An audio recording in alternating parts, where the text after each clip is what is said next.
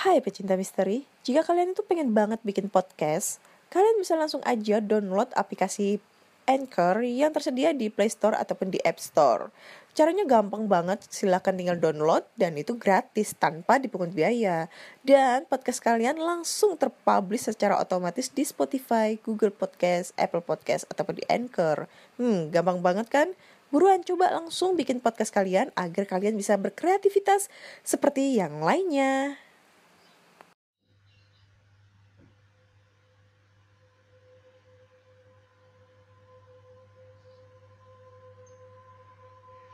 Hai semua, selamat datang di podcast kisah horor. Oke, udah empat hari ya aku nggak pernah ada cerita. Ya, aduh, habis ada insiden ya kemarin. HP ku hancur banget, hancur lebur, pecah, nggak bisa dipakai. Dan aku udah nggak ada HP lagi buat nge-record karena memang selama ini kalau aku bikin podcast ini lewat uh, aplikasi Anchor ya jadi ya mau nggak mau aku harus bikin uh, kalau nggak pinjem HP orang ya nggak gitu juga aku uh, pinjem untuk ngerekord lalu aku editnya uh, ngepostnya lewat anchor lewat PC ya. Jadi ini hari eh ya hari Minggu tanggal 17 Mei 2020 dan ini aku ngerekordnya siang hari ya karena memang HP pinjeman melas banget sih.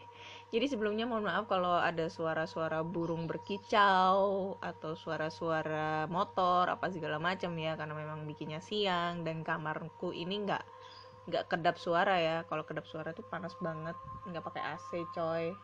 Ya lah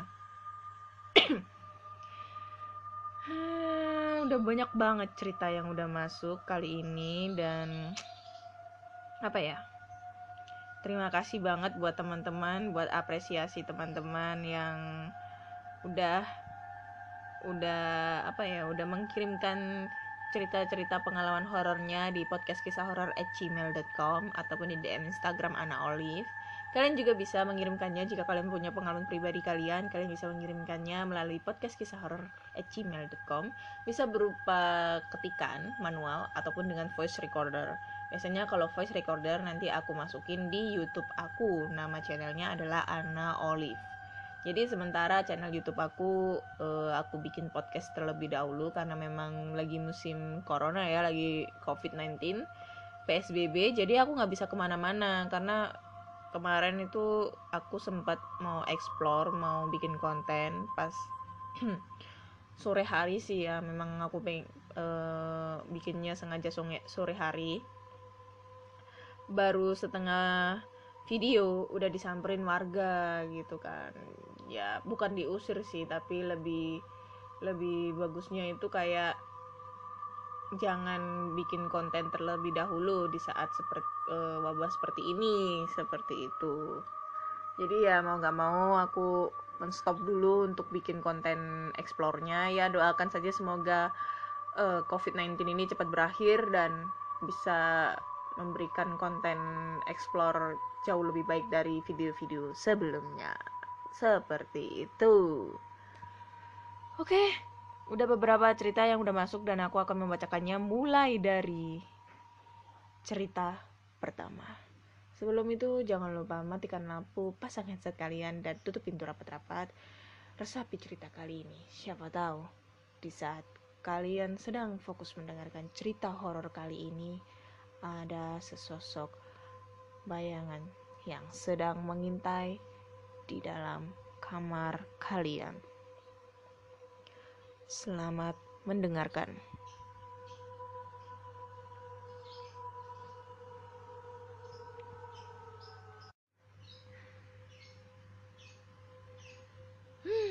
Susah juga ya kalau bikin konten itu nggak ada HP mana YouTube belum upload juga. Tapi alhamdulillah YouTubeku udah ada iklan guys. Uhuy. akhirnya perjuanganku selama setahun. Oke kita mulai aja ya ceritanya. Cerita pertama uh, datang dari email dan tidak mau disebutkan namanya. Hai Kak Ana Hai pendengar podcast kisah horor Langsung saja ya kak. Saya bekerja di sebuah toko G di kota B. Toko toko G di kota B. Toko G nggak tahu ya apa nama tokonya G G G gila kendeng apa. Kalau kota B bisa jadi Bandung, Bogor, Banyuwangi, Bekasi, Boyolali, Bojonegoro, banyak lah B. Toko itu bertempat di deretan ruko-ruko. Bos saya membuat toko itu dari empat ruko menjadi satu toko di lantai dasar. Untuk lantai kedua sama tiga dijadikan kantor, gudang rumah, lantai empat untuk jemuran pakaian. Kebetulan saya administrasi di toko itu, bertempat di lantai dua. Sebelum lantai dua digunakan untuk kantor, masih gudang, kami bertiga, saya, teman saya, dan bos saya, berniat membersihkan lantai dua untuk dijadikan kantor.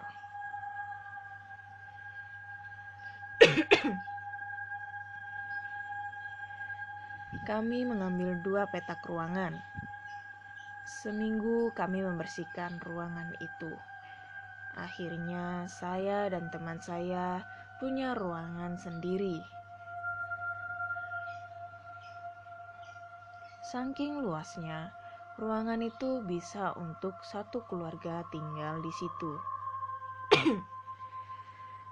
Batuk. eh. Ruangan teman saya digunakan untuk server.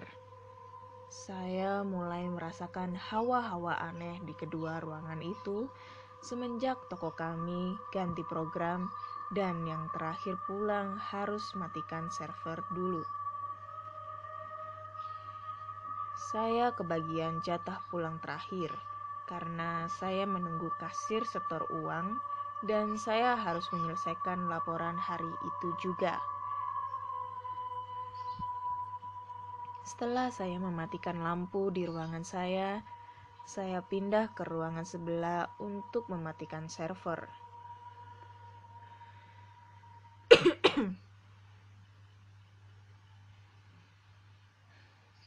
Setelah saya mematikan lampu, di situ saya seperti melihat bayangan di ruangan sebelah dan di samping. Kelihatan dari ekor mata. Ruangan saya dan teman cuma disekat pakai kaca gelap. Buru-buru saya cepat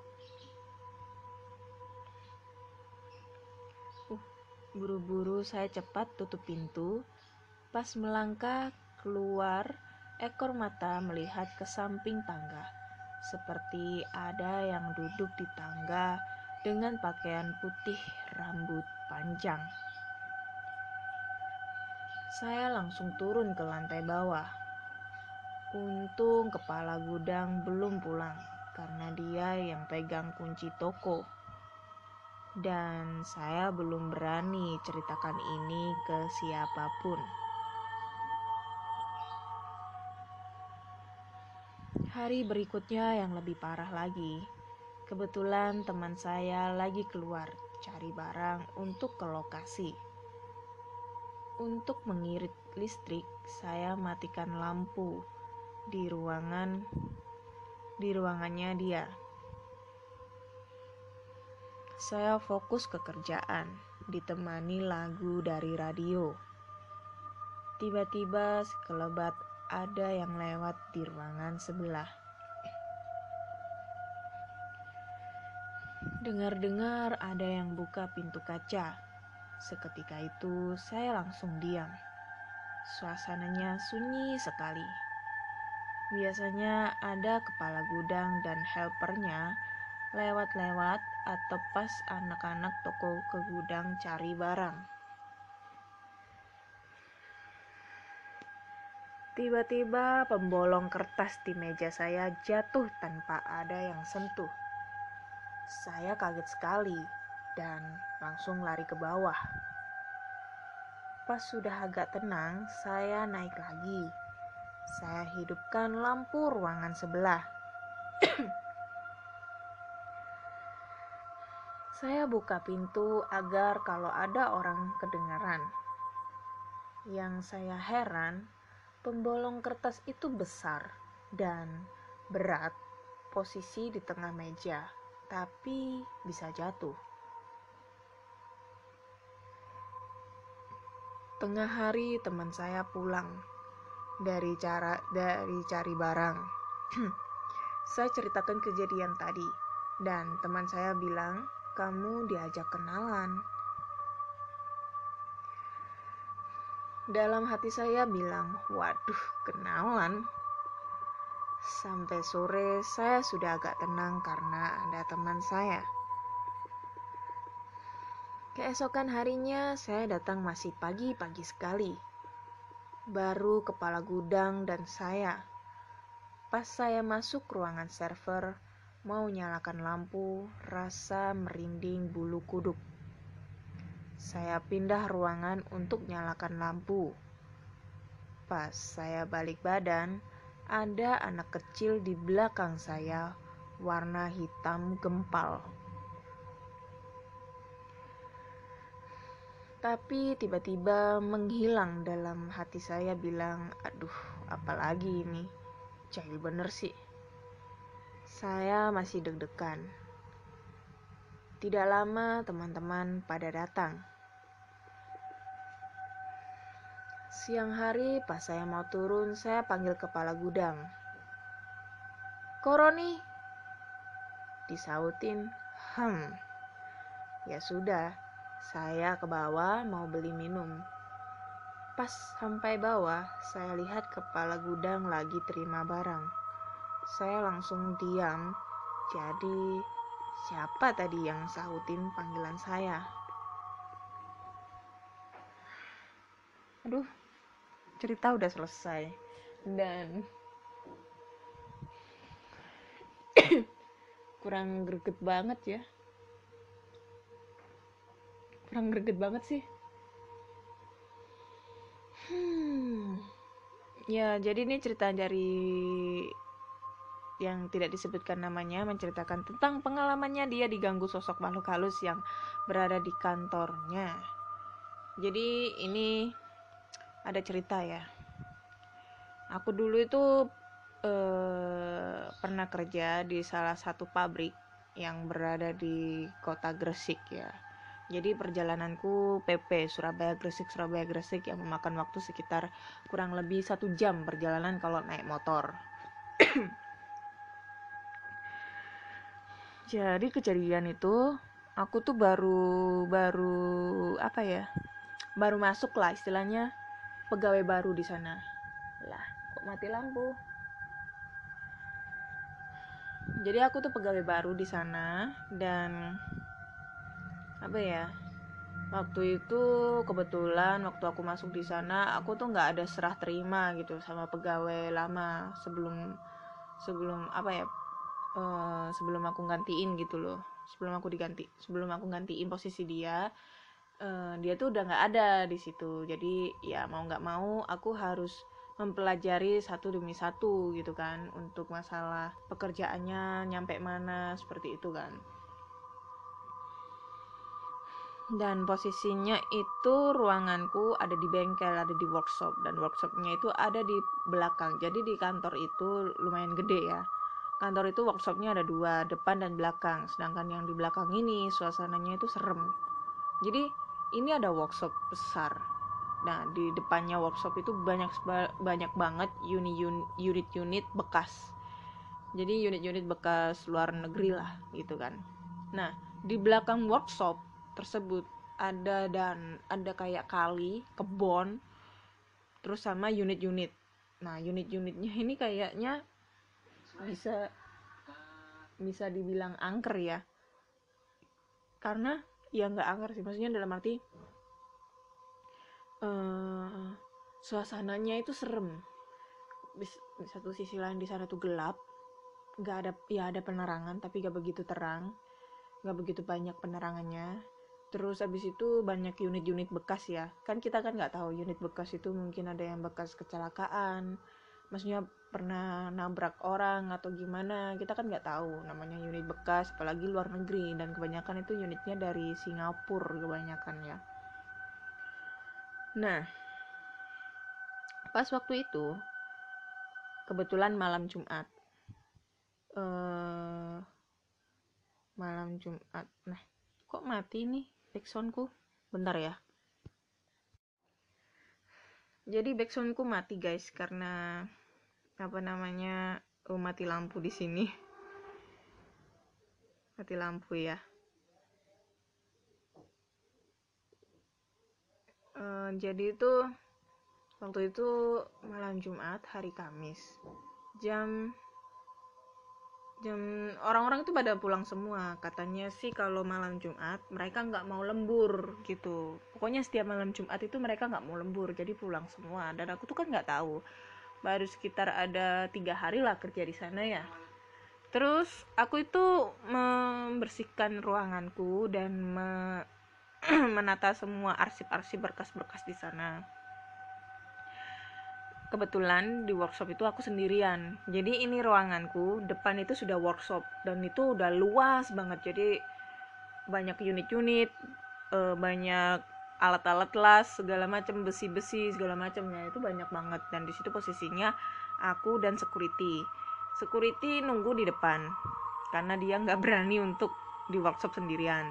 Nah aku di sana sendirian. Jadi aku tuh nggak tahu kejadian apa apa gitu ya.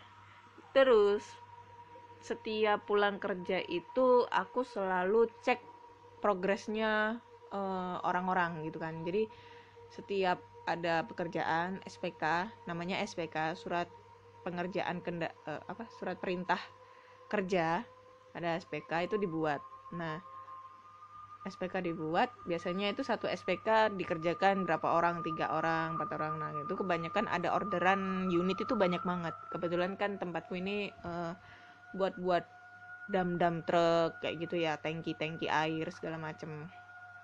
Nah setiap selesai pekerjaan orang-orang dan pulang tugasku adalah uh, aku salah satu tugasku adalah mengecek semua progres orang-orang tersebut. Jadi misalnya uh, unit yang dikerjakan SPK 1 ini udah berapa persen jadinya? Jadi aku catat untuk laporan ke atasanku seperti itu Nah, posisinya itu kan udah lumayan gelap ya, jam setengah tujuh malam. Jadi agak lumayan serem lah di sana itu. Nah, posisinya unit ini tuh kan agak agak sekat-sekatnya itu kan jaraknya itu kan agak lebar-lebar ya karena uh, deket orang ngelas kan kan nggak boleh kalau orang ngelas deket-deket gitu kan takutnya nanti kebakaran atau gimana pas posisi aku ngecek di SPK kedua posisinya itu berada di tengah-tengah workshop tiba-tiba ada suara kayak besi besi kecil lah. Potongan besi itu jatuh. Letak di ujung workshop. Di ujung workshop. Nah di situ di ujung itu bentuknya kan yang ben, e, lebarnya itu kan dia di situ ada unit dua. Dua unit yang berjajar bersampingan dan di tengah-tengahnya itu ada salah satu kayak tabung gas gas oksigen yang panjang itu kalau kalian tahu tabung gas oksigen yang panjang yang kayak di oksigen oksigen rumah sakit kayak gitu ya. Itu berdiri di situ di, di berdiri di situ mungkin habis dipakai orang-orang ngelas gitu ya. Nah di belakangnya tabung gas ini kelihatan ada sosok uh, sosok orang orang berdiri. Jadi aku kelihatan tangannya kelihatan tangannya kelihatan kakinya. Posisinya tuh di tengah-tengah di tengah-tengah tabung gas tapi di belakangnya. Itu berdiri di situ. Nah aku kan agak nggak kelihatan soalnya mata mataku kan agak minus gitu ya. Aku ngelihat aku pikir ada orang uh, orang ada tukang yang belum pulang gitu kan. Biasanya kan kadang itu ada yang lembur cuma kan setauku waktu hari Kamis itu nggak ada yang lembur udah pada pulang semua aku panggil panggil pak pak pak. Nggak ada yang ngejawab. Nah aku pikir security dong mungkin dia lagi ngecek ngecek gitu kan ngecek ngecek sekitar. Namanya itu pak pak siapa? Lupa aku. Udah setengah tahun gak pernah kerja sekarang. Anggap aja pak pak pak Budi ya anggap aja pak Budi. Tak panggil tak pikir security kan. Pak Budi pak Budi pak. Bilang gitu. Gak ada jawaban tapi sosok tersebut itu masih berdiri di sana. Pas aku ngedeket, semakin deket semakin deket, karena aku orangnya ini kan apa ya, kayak cowok banget ya. E, gerap ya apa ya kalau bahasa Jawanya gerap ya kalau oh frontal frontal aku orangnya frontal kalau kerja biasanya wah ngomong kasar apa segala macam soalnya kan lingkungannya kan di workshop ya udah biasa gitu loh. Eh cuk siapa itu? Gue bilang gitu. Terus nggak nggak ini nggak bergerak nggak nyaut juga. Pak Budi Pak Budi tetap manggil lo nggak nyaut juga. Semakin deket pas jaraknya itu sama itu sosok sekitar 2 2 sampai 3 meteran aku baru sadar dong. Jadi posisi kepalanya ini nggak ada tapi bukannya bukannya nggak adanya itu dari leher bukan. Jadi itu apa ya ini loh kepalanya itu hancur. Nggak ada tengkoraknya. Cuma itu dari ini ada ada rahangnya rahangnya tuh masih ada. Jadi separuh pipi sini telinganya itu nggak ada. Habis itu rahang rahang rahang bawah tapi bentuknya miring itu ada jadi nggak rata gitu loh bukan bukan kayak kepenggal gitu leher jadi kepalanya nggak ada gitu bukan. Jadi lehernya itu ada dagunya itu ada tapi separuh dan hancur gitu. Terus aku baru nggak kalau di bajunya itu penuh dengan darah. Uh langsung dong aku lari. Aku lari aku baca baca aku langsung nggak ma nggak matiin server nggak matiin apa langsung aku ambil tasku aku lari ke depan. Aku nggak cerita siapa-siapa waktu itu karena memang aku nggak pengen aku mungkin salah lihat atau kayak gimana dan aku juga nggak pengen ini security takut juga soalnya dia jaga sendirian gitu kan.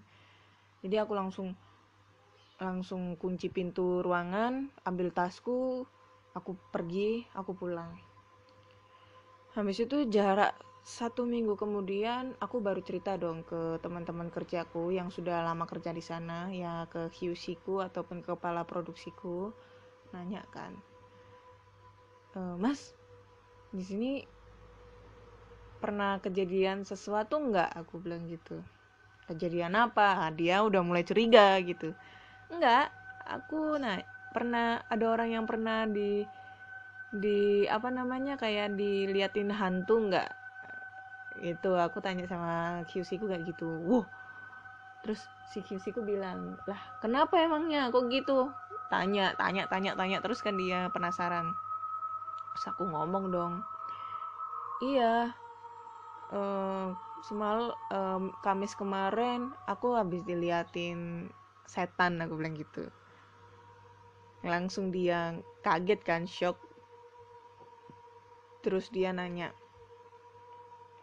setannya kayak gimana dia bilang gitu. Setannya cowok.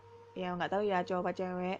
Tapi dia pakai celana pendek pakai kaos tapi kaosnya penuh dengan darah.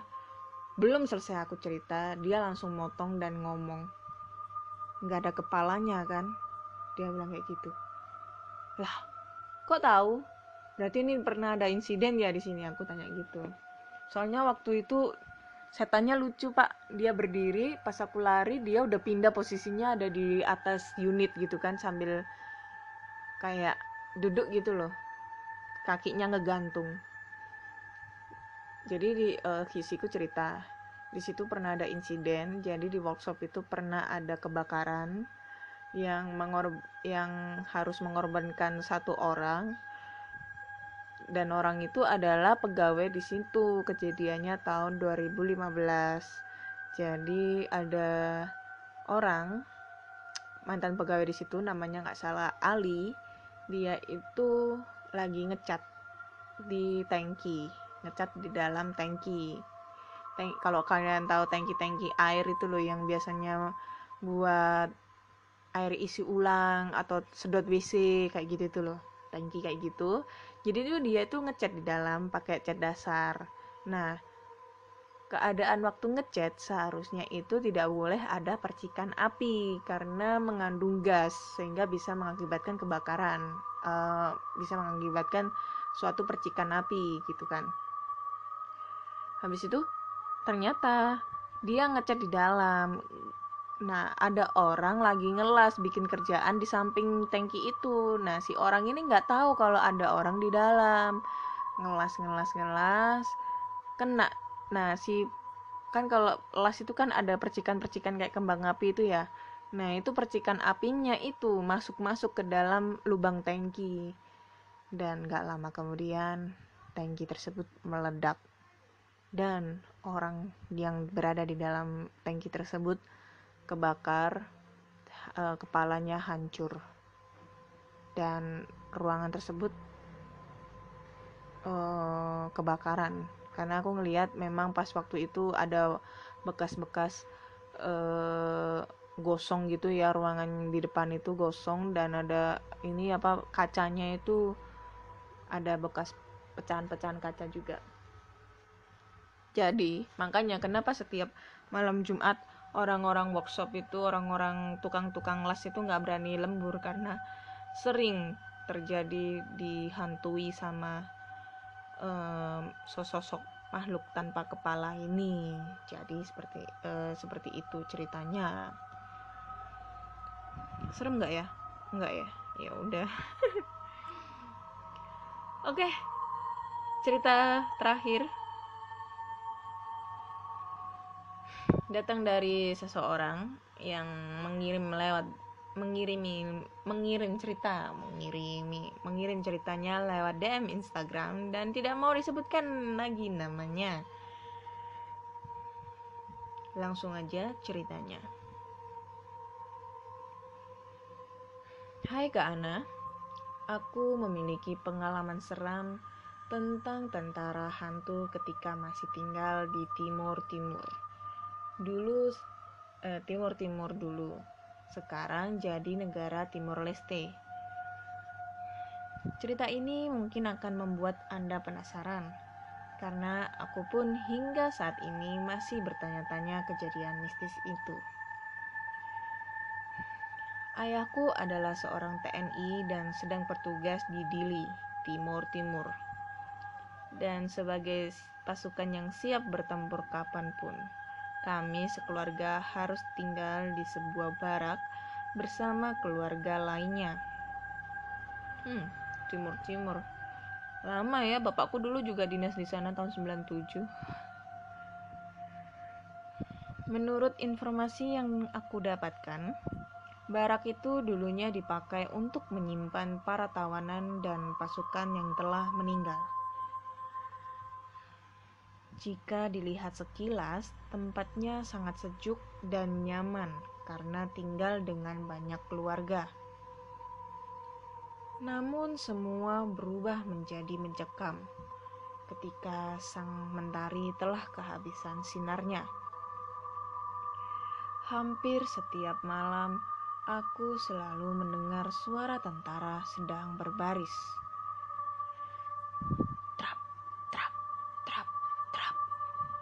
derap langkah kaki mereka terdengar sangat rapi dan teratur. Mah, itu suara apa ya? Aku bertanya pada ibuku. udah tidur aja deh, jawab ibu aku. Hampir setiap malam aku bertanya hal yang sama dan ibu selalu menjawab dengan jawaban yang sama. Terkadang Suara-suara itu tidak berhenti di situ saja. Ketika sedang terlelap tidur pun, aku selalu terbangun karena kaget. Terdengar suara orang melangkah di atas atap barak yang kebetulan masih menggunakan atap dari seng. Saat itu aku belum merasakan takut karena berpikir yang sedang berbaris baris berbaris itu adalah ayah dan teman-temannya. karena hampir setiap malam ayah selalu pergi dengan alasan ada tugas malam.